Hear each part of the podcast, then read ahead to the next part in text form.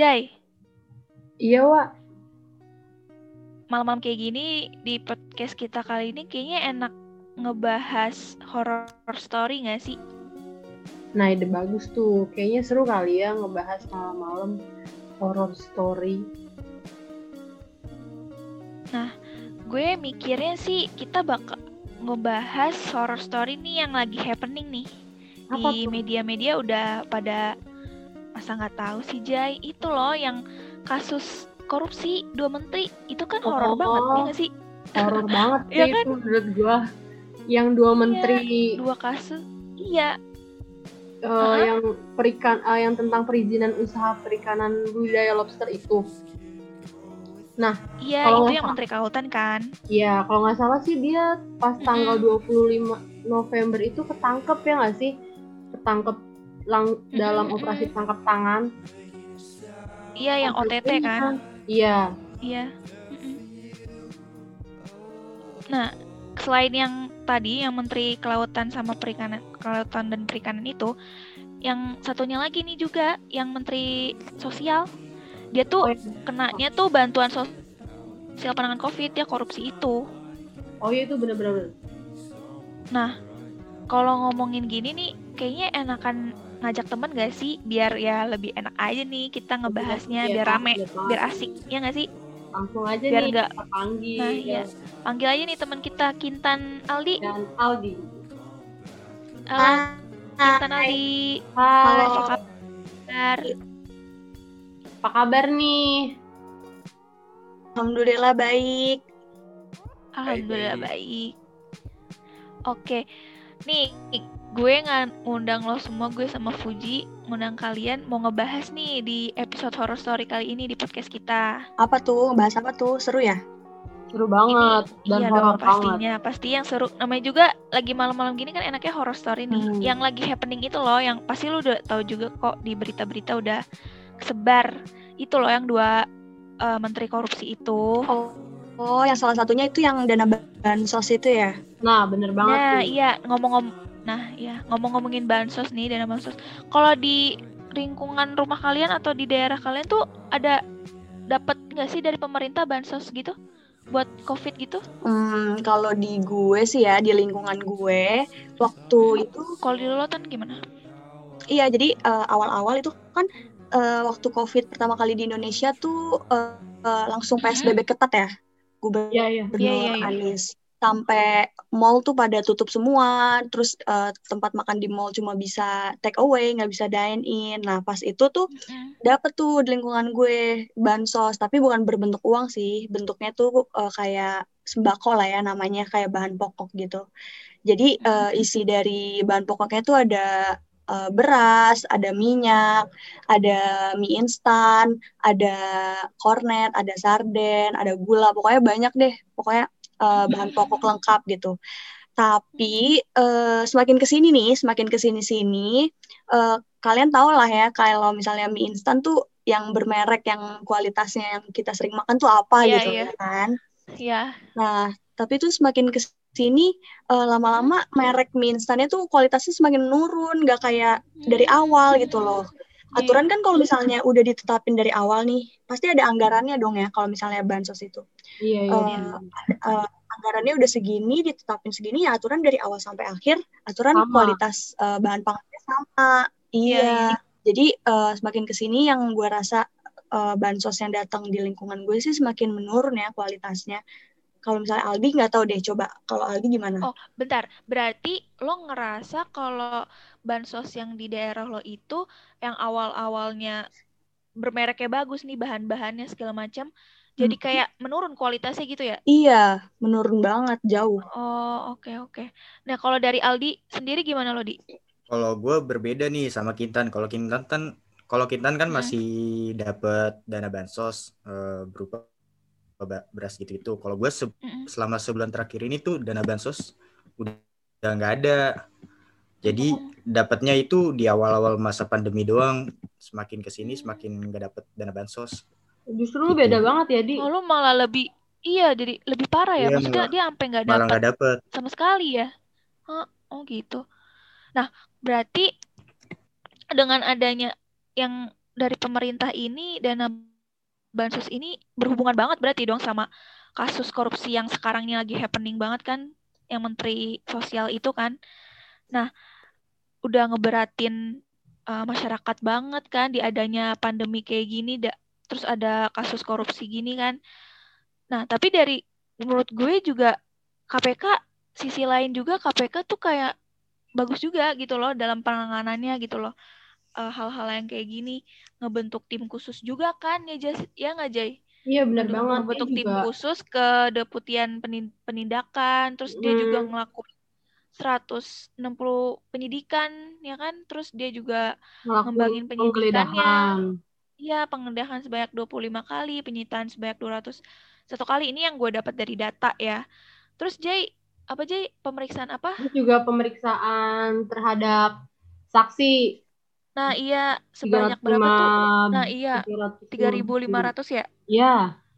Iya, 3.500. Eh, sorry, sorry. Iya, heeh.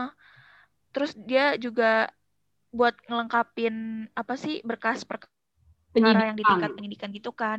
Jadi menurut gue KPK juga ya berusaha dengan data banget. yang ada juga iyalah berusaha gitu ya. Kalau dari lo berdua gimana? Pandangan lo. Tapi uh, jangan salah, Wak. Uh, mm-hmm. Di sisi positifnya juga ada sisi negatifnya juga. Menurut mm. survei yang gue dapet nih ya uh, mm-hmm. dari research gue, su- menurut sur- survei LS itu kinerja KPK menurun selama dua tahun terakhir. Mm-hmm. Gitu sih. Coba uh, Kintan penjelasannya coba. Ya, jadi yang Aldi bilang itu di survei LSI ini, di, itu awalnya tuh survei ini dilakuin pada tanggal 29 November sampai hmm. tanggal 3 Desember kemarin 2020 dengan okay. uh, surveinya menggunakan uh, dua, uh, dia ada 2000 responden melalui hmm. wawancara via telepon. Nah, di dalam survei itu hasilnya um, menjelaskan bahwa masyarakat itu menilai pada tahun 2018 kinerja KPK itu besar banget loh, sebesar 84,9 persen. Tapi ternyata dua tahun kemudian nih, tahun ini uh, kepercayaan masyarakat ke KPK malah menurun drastis, jadi cuma sekitar 65 persen. Nah, jadi kayak uh, menurut masyarakat itu kenapa bisa menurun karena kinerjanya KPK nih menurut masyarakat dari survei tadi itu cenderung makin kurang efektif. Jadinya uh, makin ke sini makin uh, menurun kepercayaan masyarakat ke KPK gitu. Nah, berbicara soal KPK juga gua rasa akhir akhir uh, ini juga KPK juga di Indonesia tuh masih kurang tegas dalam di tahun 2020 ini terdapat 169 kasus korupsi yang disidik KPK. Jadi kan masih ada kasus-kasus lain yang belum diselidiki dong berarti. Nah ini juga kayaknya yang kasus itu tuh ngaruh sama uh, melemahnya undang-undang KPK yang baru itu loh, yang UU nomor 19 tahun 2019 itu tentang pemberantasan korupsi di Indonesia.